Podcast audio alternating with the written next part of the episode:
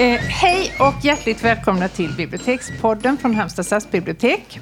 Hej, hej. Hej! Eh, där hörde vi en stämma från min vänstra sida och det var i vanlig ordning Elisabeth Skog. Hej! Hejsan. Men mitt emot Elisabeth sitter idag Josefin Johansson. Hej!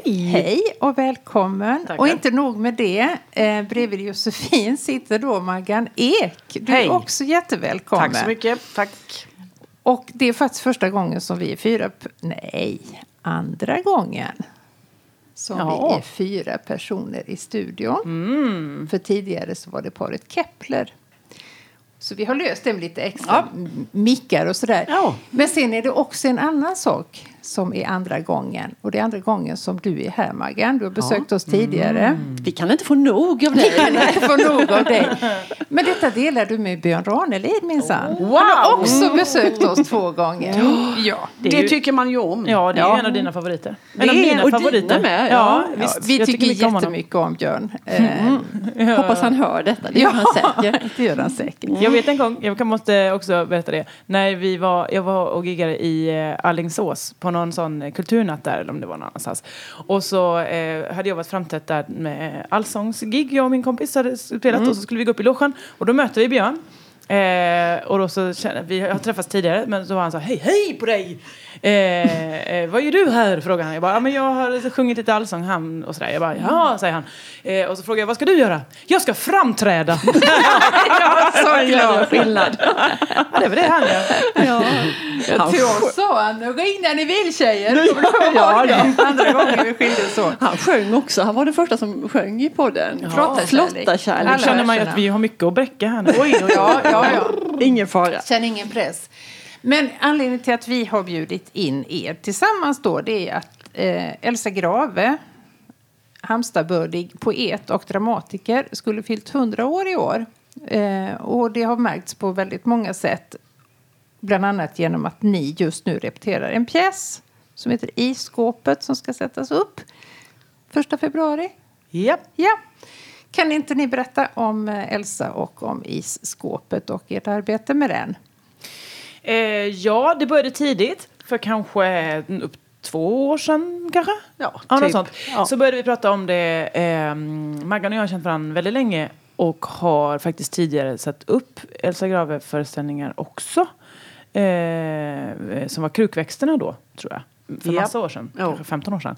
Och men nu kom vi fram till att det skulle vara 100-årsjubileum i år. Eh, och eh, Maggan satt och sa då, det måste vi fira! Vi måste lyfta fram det i Bergmanår, men det är också Graveår. Så då eh, bestämde du dig för att du ville sätta upp iskåpet. Och eh, jag sa, jag ska vara med! eh, och så. Ja, därifrån tog vi det sen. Mm. Till att eh, då... eh, Det är ju inte helt gratis att sätta upp såna här uppsättningar heller. Nej. Utan man får ju då eh, ansöka om stöd. Mm. och det har man fått. Och ni har fått jättefint stöd. Det vet vi nog. Ja, vi har fått väldigt fint stöd. Vi har fått Många stöd. många stöd. Mm. Eh, vi har ju fått eh, från Halmstad kommun, kulturförvaltningen och från regionen såklart. Men det oväntade, eller som vi då kände att vi måste ha lite mer pengar för vi måste avlöna. Det är ju så att, som många kanske inte vet, men det är ju så att eh, även skådespelare och konstnärer måste betala hyra och sånt. Man gör ju inte detta bara för att det är kul. Lever Utan på man, gör, man måste... och solsken och ja, exakt, exakt. Det var förr när det kanske fanns sådana rivningsfastigheter och sånt man kunde bo i. Men så är det ju inte längre. Va? Men eh, då ansökte vi eh, om pengar från Svenska Akademin. Och då sa de nej, nej, nej, nej. Det är, vi, ger inte till några uppsättningar. Men, ja, vi kan ju skicka in en ansökan, en formell ansökan. Så gjorde det, hörde ingenting och sen gick det sex veckor. Jag nästan glömde det. Så kom det ett sånt där fint eh, från eh, Danius då. Liksom, nu, nu har jag fått pengar här från Svenska Akademin. Och då känner jag också att det är kul för att Kristina Lund sitter där och eh, det sägs ju i alla fall att Elsa på sin tid påverkade många andra poeter. Bland annat Kristina Lund och Sonja Åkesson och lite andra. Majken Johansson och sådär. Att eh, det här fanns en connection också då. Så att eh, det kändes ju lite extra. Och då höjdes ju också pressen lite Ja, grann. Såklart. Också att vi ska spela i Stockholm sen och så känner man åh, kan Kristina Lund komma dit då? Och, så, och titta på det här, ni, ni måste verkligen eh, Ja, du var till och med på hennes gamla teater. Ja exakt, som Ja. hennes dotter nu driver. Så att, eh, Eh, blir det Brunnsgatan, vilket vi förmodar att det blir i september då, så är det väl inte helt omöjligt att hon kliver in genom dörren. Ja, men då åker podden dit. Ja, det gör vi. Då kommer vi. Oj, kul! Ja. Självklart. Men du, varför just isskåpet då? Hur tänkte du kring det? Nej, jag, jag tänkte väl att isskåpet är... Dels måste man ju titta på hur många eh, personer ska vara med och hur mycket kan man mäkta, hur mycket kan man klara av.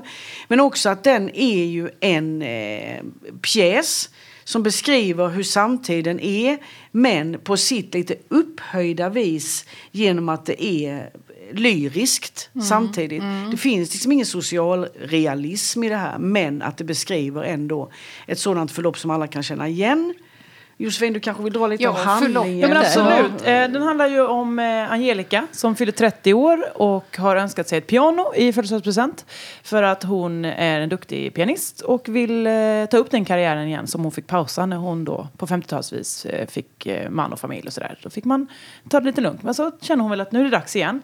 Önskar sig ett piano och hennes man Torsten med eh, hans mamma och syster eh, ger henne istället ett isskåp. Alltså ett motsvarande kylskåp. Jätteskoj. Ja, det är också kul. Eh, och eh, det blir väl inte riktigt då som Angelica vill. Och får kämpa och mm, liksom, eh, ja, med näbbar och klor göra allt hon kan för att liksom slippa den här konventionen och, och ta sig ur det här livet som hon har liksom fått där. Och möter en annan konstnär som heter Stefan och ser där en liten väg ut. Ivrigt påhejad av min karaktär eh, Alva, som är då väninna till Angelica, som eh, ja, lockar henne ur det här. eh, Strunt i barnen, strunt i det. Nu, nu hänger du med. Konsten får inte överges för vardagens skull. Eh, sen kanske Alva har lite egna motiv till varför hon vill ha fri lejd till Torsten där. Vi får se. Ska inte spoila någonting. Komplikationer. Mm. Men det här är ju verkligen ett tema som känns igen idag. eh, Vilket är både intressant men också lite deppigt såklart.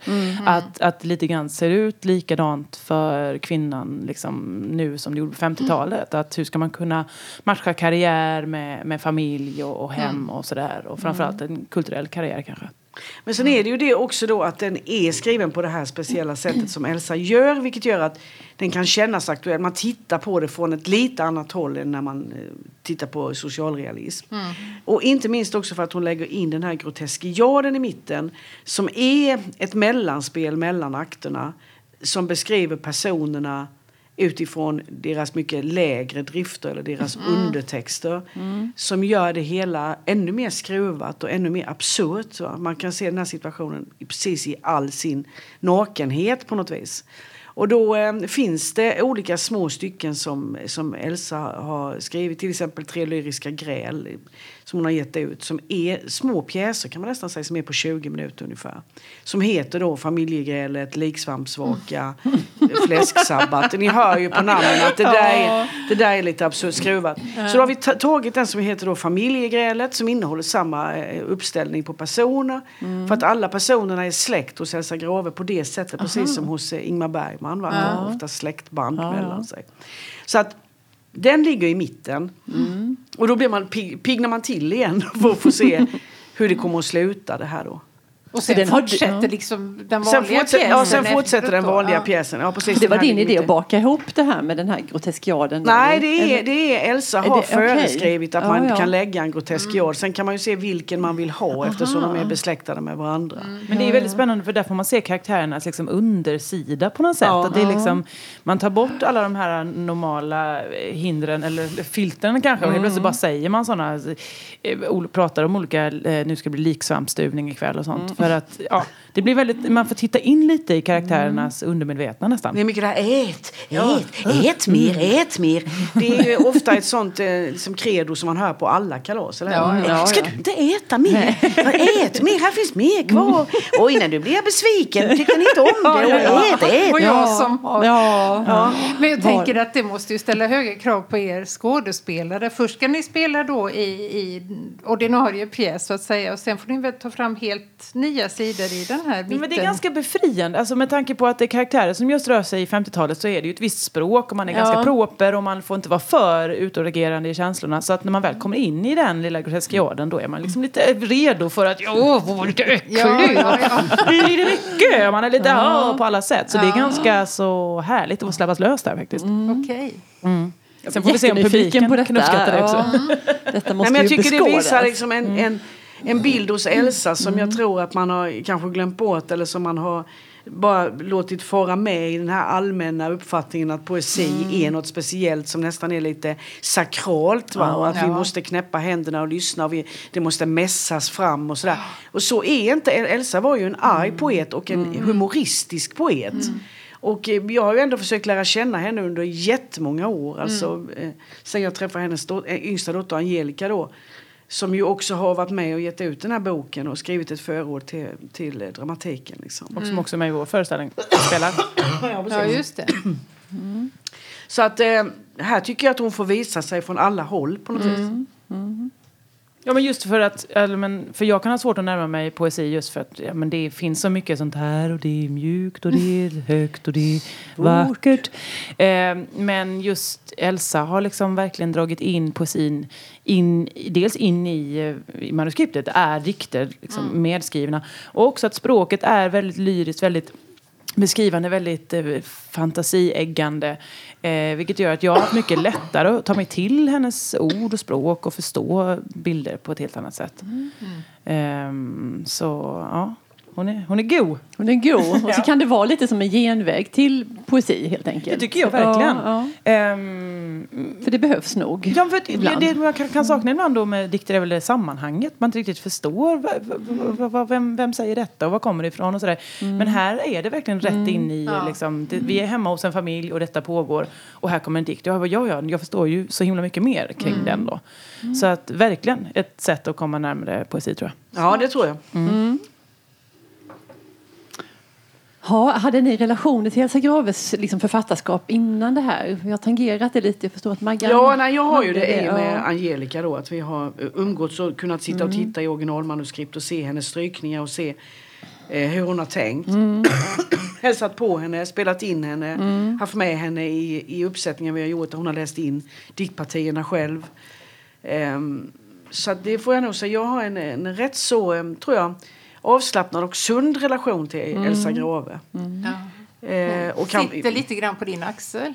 Är det inte så? Ja, det kan man säga. Jag, jag tänker ofta på henne och jag liksom lever i samma omständigheter Ja. som hon ungefär. Och jag vill sällan lämna mitt hem om jag inte måste för olika... Och eh, ja, vi har ju påfåglar, vi har ju alla de här sakerna som var viktiga för som Elsa har växt upp med och som hon också har beskrivit. Och jag kan se det på det är ungefär samma vildvuxna trädgård också när vi inte riktigt har hunnit att gå igenom alla de här kvadratmetrarna trädgård. Så att det, det är rätt så likt. Va? Jag, kan, jag kan förstå henne och utanför de här fönstren eller idyllen så lever ju världen sitt vanliga liv, vilket hon har beskrivit i sina dikter. Då. Och eh, på samma sätt vi sätter upp den här pjäsen för vi också vill vara med i livet utanför eller också vill vara med och påverka eller berätta om, om skeenden och sådär. Du har ju också flyttat till eh, byn. Ja, jag menar Ysbyn. Ja, Inte bara Halmstad tänker du nu då. Nej, Tänka efter lite här. Ja men eller hur. Jag, jag kom ju från västra Småland så att jag har ju varit nära liksom Halland och, eller det är Smålands landskap, Hallands län om vi ska vara riktigt petiga. Ehm, nej men så att jag har väl också haft en relation till Halland alltid och nu då när ni passade på att ta över Ysby, då hänger jag med. Ehm, så att eh, nu är man hallänning igen. Det är bra. Ja, det är bra. Ja, och det är väl någonting som också eh, genomsyrar den här pjäsen. För att det är, jag menar ju det som verkar här dagligen. Du verkar ju i hela Sverige dagligen. Men jag som verkar här dagligen känner ju att eh, här finns ju så oerhört många människor som är svinbra. Va? Och att jag tycker att vi måste ju använda dem. Så att eh, även om inte man bor här hela tiden. Jag menar du bor i Stockholm, Emma Knyckare som är med bor ju i Göteborg men kommer från Rolfstorp till exempel. Va? Elin Englund, Kevin Tullgren jobbar jag med nästan dagligen på Dramalogen. De är yngre skådespelare då. Måste faktiskt säga yngre. Fast inte du är så gammal Josefin. Är Så yngre är än mig, yngre. tänker jag. Ja, jag det inte möjligt Ja, det, är, är därför jag vill säga det. Det är faktiskt möjligt. Eh, och sen så har vi då eh, eh, Angelica Ollefelt Lauvik som ju är Elsas dotter. Mm. Och vi har ju haft en lång relation tillbaka. Och vi, därför är det så härligt för oss att få liksom dväljas där Mm. i Elsas eh, texter och poesi. Som vi tycker att vi ändå känner så väl. Vi kan gå ut och in i alla dörrar på något vis där. Ehm, Och Anna Arnstedt. och Anna Arnstedt som jag har jobbat med i Kompani Sture och att det är Tatra. Vi har haft fri grupp tillsammans. Vi har jobbat eh, jätte- jättemycket. Sen har hon haft en sväng upp på Regionteater Väst och varit tung producent där. Och nu är hon ute i det fria livet igen och jobbar med musik och visa och, och, och poesi och teater också. Så att eh, då kunde man fiska hem henne igen. Så att man har fått en en god ensemble bestående av fem kvinnor och en man som är lagom, lagom för den här sättningen. Lagom fördelning könsmässigt. Ja, absolut. absolut. Ja. Ja men eh, som du säger, det är så himla roligt att kunna liksom, återvända till Halland. För att jag, jag har ju alltid flyttat från städer för att jobben inte finns. Utan jag får flytta dit de är. Eh, och att helt plötsligt då få den ynnesten att kunna vara en månad i Halland och jobba med kultur eller teater. Liksom. Det är ju sensationellt, det händer ju inte. Liksom.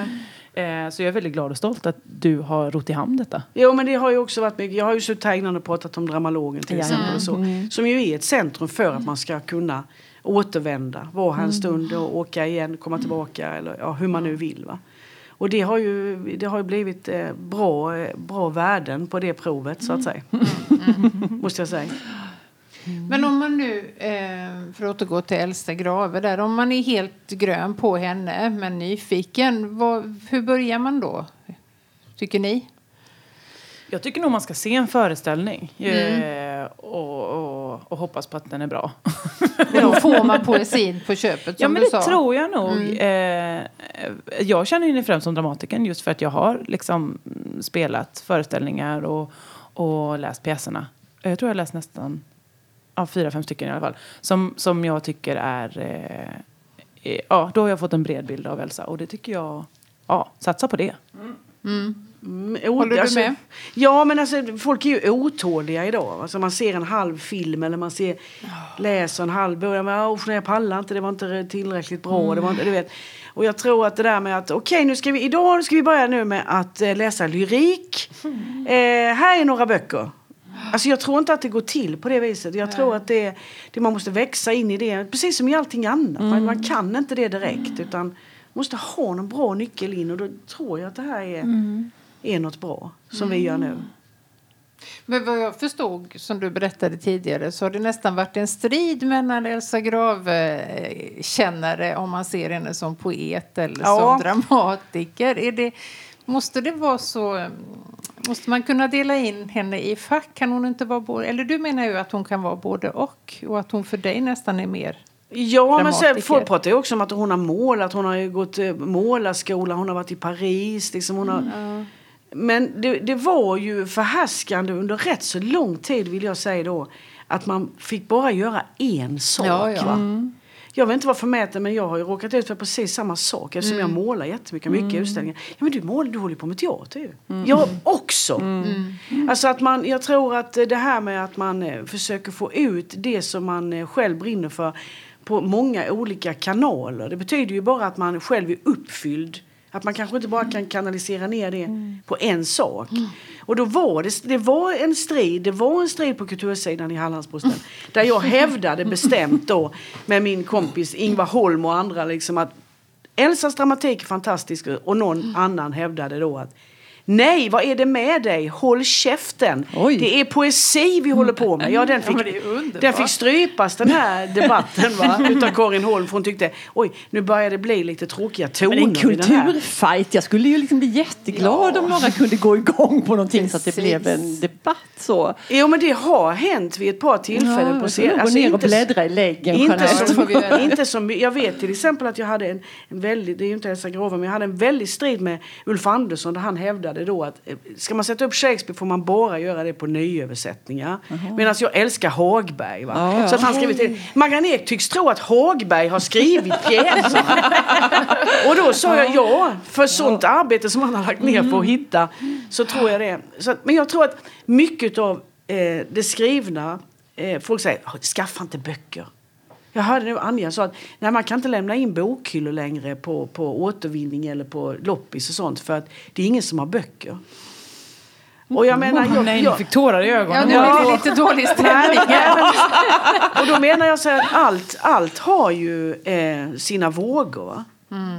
Och jag älskar ju böcker. Jag tycker man ska ha böcker. Man kan ta fram boken. liksom, Man kan Ja, liksom, Bara själva föremålet är ju... exakt. Jag tror att det kommer komma tillbaka. Det, Ja, det, ja, det, det, jag är inte orolig för det. Nej.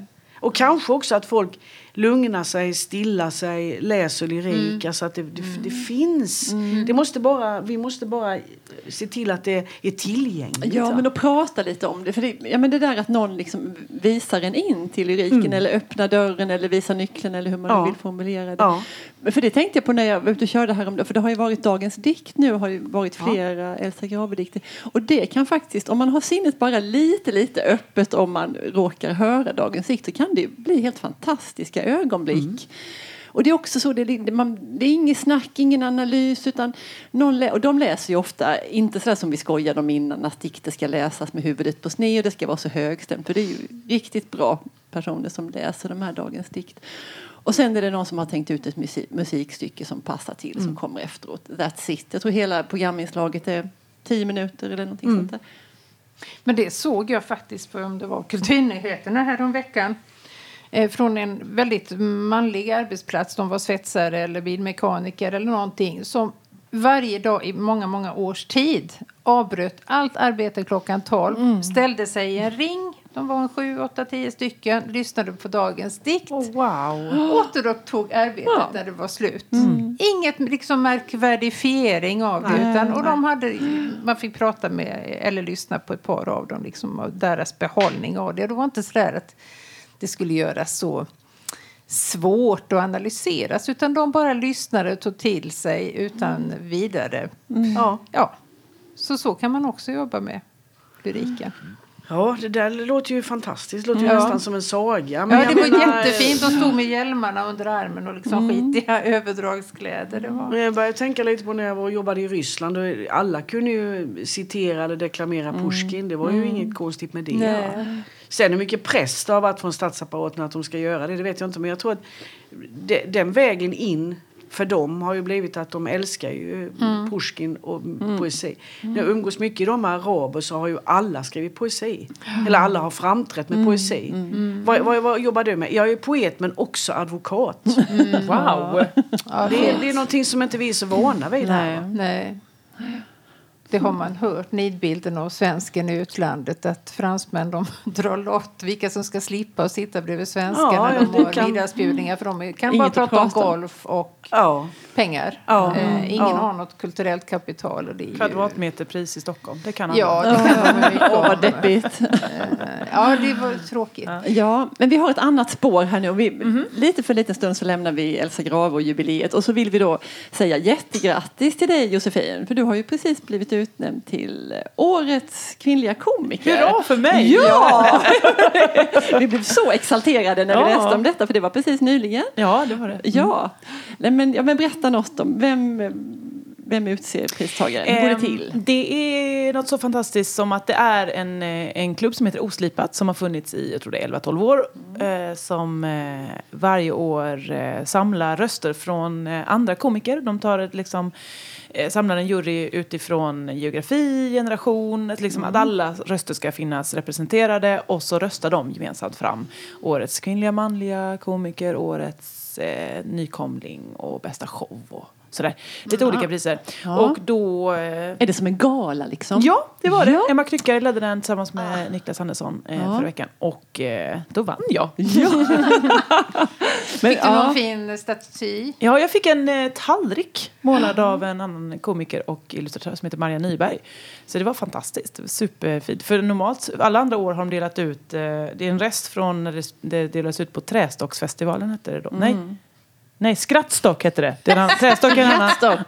Woodstock tänkte jag. Ja, skrattstock någonstans där. Ja. Ja. Och då delade de ut en, en, en, liksom en skiva. De såg av en bit av en, ett träd bara. säga. liksom en, Som ett grytunderlägg. ja, exakt. Och så stod det bara, här är det, årets, årets koker. Här är det. Som man själv kunde gjort i slöjden. Precis, Ja. känner man sig, ja jag ska ha den på vägg, jag kanske lägger den i lådan.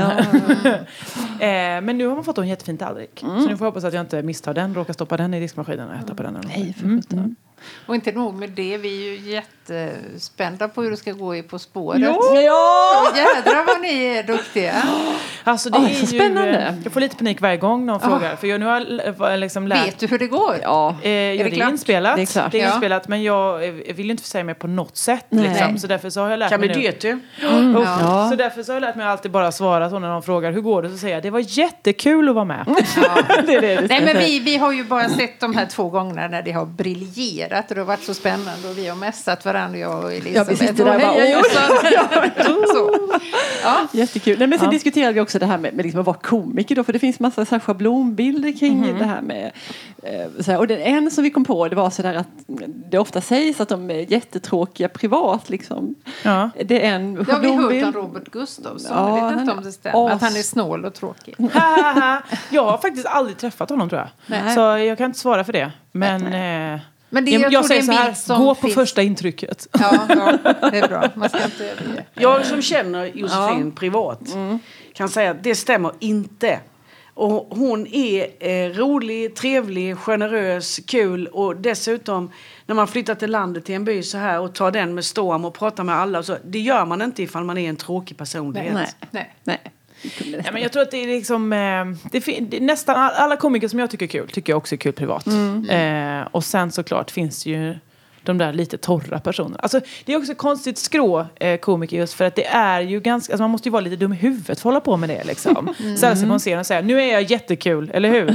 Och då ska folk egentligen bara hålla med. Alltså det, det, det, är en, ja, det är ett hinder i konstformen från början att säga nu ska det bli kul. Ja, för då, Okej, alla förväntningar är på max. Ja. Eh, och då kan det bli väldigt okul på en gång. Ja exakt, att, så det är så himla ja. dumt. Vi skjuter oss i foten direkt när vi går upp på scenen och så får vi bara jobba med det skottsåret hela vägen ut så man går av igen. Eh, Så det är ju många kufar som är komiker, men många autister, många som kanske inte hade så många kompisar när de växte upp. Ja, men det är skönt, det är en inkluderande konstnär. Ja verkligen, för det gör ju också att arbetsplatsen blir lite knasig när det Ja, bara är freaks and geeks på hela området. Men eh, så att jag ska säga, oftast tycker jag komiker är kul privat. Men det finns alltid undantag. Ja. Du, vad tänkte du när du var, vad ville du bli när du var liten? Då tänkte du sådär, jag ska fasen, jag ska bli komiker. Eh, nej, men eh, min mamma sa alltid att jag liksom borde plugga för, för att det är bra. Man Ja. borde utbilda sig mycket liksom. Och jag var ganska duktig på det. Så då tänkte jag, men då ska jag göra det. Och så hade jag min, eh, en släkting som var professor på eh, Stockholms universitet. Så då var han så här, vi behöver tjejer som kan läsa Ja. och, och skriva. Ja, perfekt. så jag hade nog tanken på det mycket tills jag eh, började en... Eller rättare sagt, så första gången jag stod på scen var jag kanske nio och var med i en musikal i kyrkans barnkör som hette Liv och fred som handlar om Noaks ark och där hade jag rollen som förkyld giraff. och hade ett sångsolo där jag skulle nysa i mitten. Stor succé. Nej, men, och, och det i efterhand har jag väl sett som har liksom varit någon slags eh, vägledande mot vad, det, vad jag hamnar. Liksom. För att jag, sen började jag på en teatergrupp i, mm, i högstadiet med faktiskt Angelica Ahlfeldt Laurig som ledde och Maggan Ek var där och tittade på. Då tror jag de sa så här, men ska du inte bara söka teatergymnasiet? Jag bara, det finns väl inte? Eller vad menar ni? För jag Det hade liksom inte in- mamma berättat. Nej, det var Nej. inget som jag kände. Jag tror inte vi visste om det bara. jag är Nej, ju ja. uppvuxen i Stubbabo där. Vi var liksom... Ja, min brorsa han gick... Stubbabo, men berätta, var ligger Stubbabo? Det ligger ju tre kilometer från Landeryd. Ja, ja. Alla? Du men gick du på högstadiet i Hyltebruk? Nu måste vi Ja, det gjorde jag faktiskt. här. Så jag, ja. Mitt emellan Halmstad och Gislaved kan man säga att Stubbabo ligger. Och så fick man gå lågstadiet i Landeryd och mellanstadiet i Långaryd och så högstadiet i, i Hylte då. Downtown. Hylte. Ja, på Örnaskolan där. Mm. Och sen då när jag eh, väl skulle söka gymnasiet så sa jag så här, okej men jag kan väl ge det där en chans då, söka teaterutbildningen på Studiegymnasiet i Halmstad. För det fanns inget närmare. Så då fick man liksom säga, ja men om du vill gå där så. Så då var det så här, kom jag in där, för det var inträdesprover då. Så kom jag in där, eh, så går jag där, annars så får det bli samhälle i Gislaved. så att an, jag hade också mycket väl kunnat bo i Gislaved. Sliding doors, Ja. tänker man där. Ja, ja. Men så tur var då så kom jag ju in tack vare att ni bestämde att jag fick vara med och skoja. Vilken tur för alla. Och eh, då tänkte jag väl jättelänge att ja, men jag skulle bli skådespelare, vad kul. För jag visste nog inte att liksom, jobbet komiker fanns. Eller de komiker jag kände till, det var ju liksom gubbar med glasögon. Adde Malmberg. Och, ja, alltså, de Eller du liksom, kanske är för ung för Adde Nej, Malmberg. men Slägg dig i brunnen gick ju när jag var liten, Ja. den gamla varianten. Och då, ja, det möjligtvis var Babben och Ulla Skog som var liksom, men de var någonting annat, liksom, det var inte riktigt identifierbart för mig. Eh, utan det var ju bara alla andra killar liksom. Så då tänkte jag att jag skulle bli skådespelare och försökte väl liksom skådespela då fast också klämma in skämmet då, slapstick i någon Tjechov-pjäs eller liksom någon gammal så, snubbla på bananskal i, i någon, eh, ja, jag vet inte, längtan till Moskva. Eh, så då... Tre systrar. Ja, där, där var jag.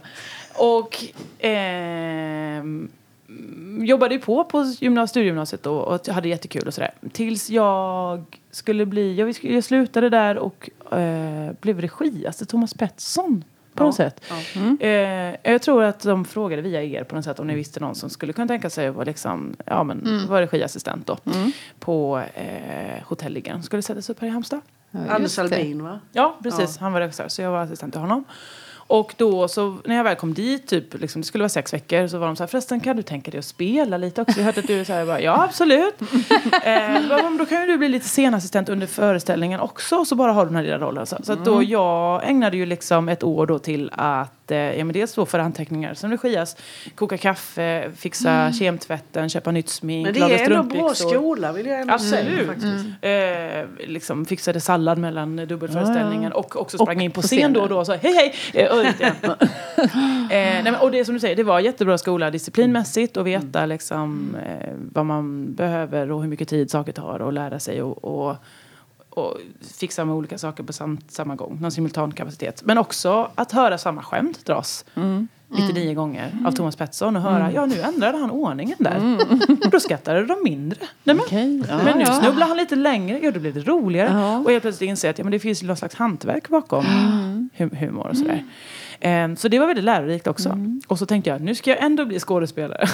så då gick jag en folkhögskoleutbildning på Frida. S- Folkhögskola. Och var väl inte riktigt nöjd då heller. Gick en stå upp kurs på fem dagar. Hatade det också. Okej.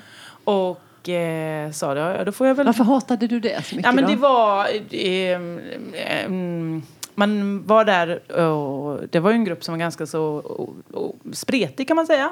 De som var med var ju liksom... eh, Det var tio personer tror jag och vi var tre tjejer. Det var jag och så var det en kvinna från adeln. Och så var det en... Adeln. Ja. Eh, och så var det en... Eh, Den är avskaffad, det vet du. Ne- det är nedlagt. inte enligt henne. Nej, de vet, de, de vet inte om det. Vi andra vet det.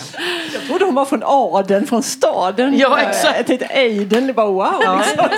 Fanns det Adel. på den närmare håll. Ja. Och en kvinna från eh, Norrland, eh, då, lite äldre kvinna. Eh, Och så var resten killar. Och det var liksom inte så. Jag tänkte ju, ja nu är vi alla ambitiösa och ska bli komiker allihopa. Eh, men de var ju mer så någon hade fått i 40-årspresent, någon annan låg i skilsmässa och ville rymma. Eh, så den stack en vecka till Skåne. Alltså, så det var lite konstig stämning där. Inte alls det här roliga humorlägret gör det sig framför mig.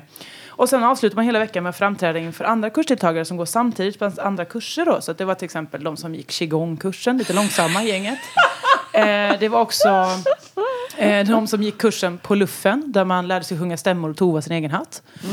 Eh, och, så när jag väl drog mina skämt då, liksom, jag var kanske 22 eller vad det nu var, 24. Då var ju de så här, ja, ja vi, visst det var väl kul men vi, vi är mycket sugnare på att prata med han den där 40-åringen om man skulle kunna kanske få vara lite intresserad av honom. För det var många tjejer som inte hade sett killar förr då. så då blev det liksom en helt annan stämning och då var jag, nej, det här ska jag aldrig mer göra Nej. tänkte jag. Så nu får jag väl bli den där pluggisen då. Så jag flyttade till Malmö och började plugga kulturvetenskap på Malmö högskola. Läste mycket Foucault. Ja, ni vet. Tills jag är ute på stan och ser en affisch på ett elskåp. Där det står, vill du jobba med humor i P3? Och det var ju exakt det jag ville göra. Eh, så står det så här, skicka in någonting så får oss att skratta innan mm, det här och det här datumet. Och jag bara, ja, det var för en vecka sedan. Okej. Nej. Eh, men jag mejlar ändå och frågar, går det bra? De bara, skicka in något. Eh, jag bara, okej. Så då så eh, filmar jag in det jag gjorde under den här standupkursen eh, och klipper in då med alla de här gångerna jag mm, snubblade på bananskal i Tjechov och, och när jag höll på på Fridhem och skoja och sjöng och sådär. Och de tyckte om det. Så jag fick komma på intervju och göra antagningsprover och röstprover och skrivprover. Och till slut fick jag jobb där. Och ja, har ju sedan dess frilansat som komiker och manusförfattare, mm. sångare, artist. Men det var ju ett härligt gäng ni var i Malmö då. va? Absolut, då fick jag, jag säger att jag har lärt mig skriva skämt av Jesper Rönndahl och Lis Strömquist. För det var de som liksom så här, nej det här är för tråkigt, stryk detta, ta bort det. Jag bara, "Haha, panik, hur gör man? Hur gör man radio som är kul? Men det var jättelärorikt. Och, eh, Jag träffade också Kringlan. Ni Kringlan Svensson, Anna Johansson. Det Crazy vi Town var, jättelänge den podden. Och... ja, vi var många som eh, Ja, man lärde känna där. Kalle Lind, eh, ja, han jobbar, vi jobbar inte med varandra men vi jobbar bredvid varandra. Så här. Alltså det har varit, eh, det var verkligen lärorikt och en bra kultur, eller ko- komikhubb kan man säga i Malmö. Det är många av oss som liksom har fått vår humor därifrån. Ehm, Ja, Kalle Lind har också varit i podden. nej vad Ja, trevligt! Ja, Underbar, underbar människa. Ja, han, Ja.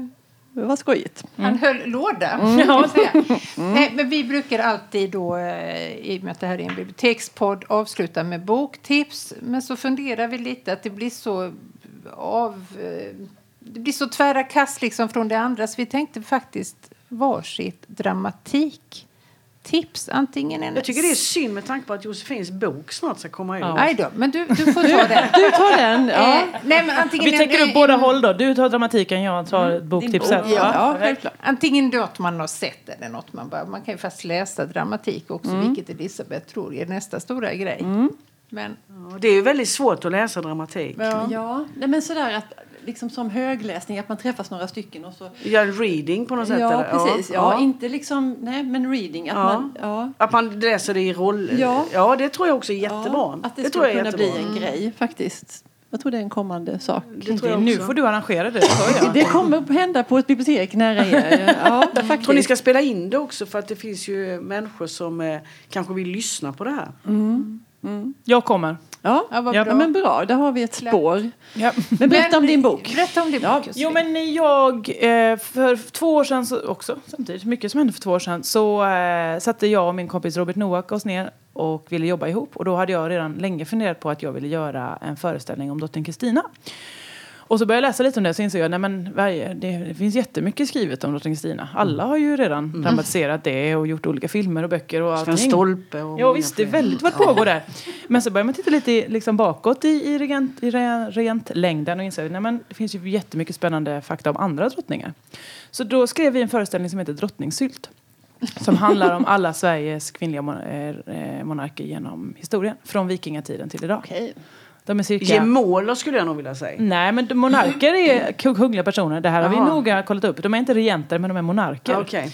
Eh, det, vi har ju bara haft tre regerande eh, drottningar men vi har haft cirka 65 eh, drottningar överlag. Och detta har vi spelat, spelat och ska spela och spela. Vi kommer faktiskt till Halmstad och spelar den 23 februari. Eh, Men nu ska det bli en barnbok av det här. Så nu kommer man kunna läsa och eh, titta på bilder på alla de här drottningarna. Eh, I början av maj tror jag boken ska komma ut. Och det är jag som skriver och så är den illustrerad av Jonna Björnstjärna som också har gjort massa barnböcker tidigare. Familjen Kanin tror jag. Ja. Eh, Så då får man, måste man läsa den. Självklart. Bra. Drottningsylt var ju väldigt roligt namn. Ja, jag tycker också Ja. det. Ja, en blandning av alla drottningar helt enkelt. Ja, Ja, och den kommer alltså att spela här den 23. Så att, eh, Precis. Och då hoppas vi ju att vi kan spela på Dramalogens nya scen. Men vi har då vi flyttat. Så att då, nu då drar vi ihop allting till en stor härlig, ja, ja. härlig fest. Ja, ni säger dramatips. Ja, alltså, jag vet inte va. Själv vill jag ju, jag vill ju, nej men jag liksom, ibland så kan jag tröttna rätt så mycket på teater faktiskt. Det är, det är, är tungrot, det är svårt, det är jobbigt på många sätt. Va? Men jag har en dröm, alltså jag skulle själv jättegärna vilja åka upp och titta på Påklädaren på Dramaten i Stockholm. Det låter väldigt posh och sådär men just The Dresser, jag har ändå sett det på film liksom. Jag tycker just de här två åldrade skådespelaren och påklädaren och hela det här med bakom kulisserna, vad som händer, vad händer när man inte längre är den här unga, charmanta, snygga, mm. oavsett det är män eller kvinnor. Det är svårare för kvinnor men det är också mm. svårt för män. Vad händer när man börjar bli helt trasig och lite senil och mm. inte vet vad man håller på med egentligen? Mm. För att scenen är ju livet men scenen är ju också scenen och där måste man följa de anvisningar mm. som ges. Va? Så den har jag, har jag en... Och den är eh, skriven av? Oh, det kommer jag inte Nej. ihåg faktiskt. Men påklädaren den ska gå upp nu i mars på mm. Dramaten. Okay. Och det är, det är ju Christer Henriksson och Sven-Bertil Taube. Mm. Och Sven-Bertil Taube är ju också blind idag ja, och möjligt. Och han får ju då spela då den här eh, åldrade skådespelaren mm. som då ska in och göra de här sakerna på scenen. Mm. Jag, jag, tycker det är härligt också att jag under min livstid har liksom sett Sven-Bertil Taube som trubaduren som står med benen liksom och spelar gitarr och nu ja. är den här mannen i, mm. i den här handlingen. Liksom. Att jag har fått vara med på den resan på något sätt. Mm. Därför tycker jag det hade varit häftigt att få se det på något sätt. Mm. Mm. Är det min tur då? Ja. Eller är det din? Nej, men vi kan säga att det är du, Jeanette. Har ja. du något minnesvärt sådär dramatikväg? Ja, nej, men när vi pratade om det så det som dök upp först och då tänkte jag då tar jag det. Eh, det var en pjäs som jag såg för jättemånga år sedan eh, skriven av Lars Norén som heter Skuggpojkarna som gick här på Halmstad teater. Och det jag Alltså det är en jätteläbbig pjäs för det, den utspelar sig på en eh, avdelning för sexualbrottslingar. Väldigt grova allihopa, jag tror det är sex, sju män. Men det här skådespelaruppbådet i Halmstad teater var helt fantastiskt. Eh, bland annat var det Mikael Nyqvist mm -hmm. eh, i en helt fantastisk roll. Och han var känd då, men han var inte liksom så extremt känd som han blev senare. Så det var så kul liksom att ha fått upplevt eh, den pjäsen med den, eh, jag tror det var Göran Ragnestam som var med och det var... Nej, jag kommer inte ihåg. Bra var den i Bra alla fall. var det, ja. ja.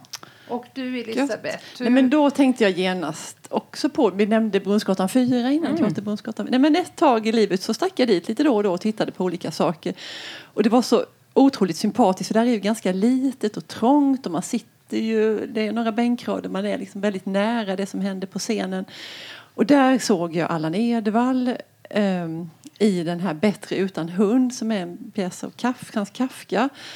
Eh, och det var helt minnesvärt, oförglömligt. Dels var det roligt att ha sett honom medan han ändå fanns. Ehm, och den här helt absurda pjäsen, det är en monolog, han är ensam på scenen hela tiden. Och han är en sån typisk Kafka-gestalt som har något tråkigt jobb på något kontor. Eh, som han, ja, som han är, och så lever han ensam i någon liten lägenhet och han eh, han är ju ensam och lite deppig sådär. och så, så tänker han högt och fantiserar kring jag skulle kanske skaffa mig en hund. En sån där liten rackare och, mm, som skulle skingra. Och det första spåret är lite så att det skulle skingra hans ensamhet och det skulle vara någon att sällskapa med och sådär. Men ganska snart förstår man också att han vill gärna ha någon att bestämma lite över. Ja, ja. ganska mycket.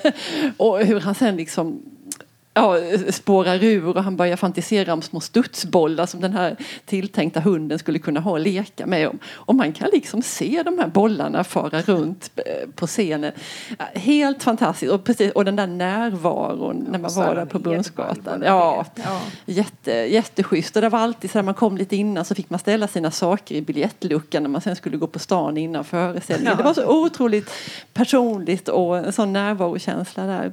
Nu fick jag lust att åka dit igen. Det säkert så fortfarande tror ja, jag på Brunnsgatan. Ja, men det ska vi vänta till september så ja, ses vi tar vi det i september. Ja. Eh, det var jätteroligt att prata med er. Tack snälla för att ni ville ta er tid att mm. komma hit till oss i podden. Nu vi kommer kan... översta här, här. Ja, det kommer. Ja, det är vår signaturmelodi. Tack och hej. Tack och hej. Tack, hej, hej.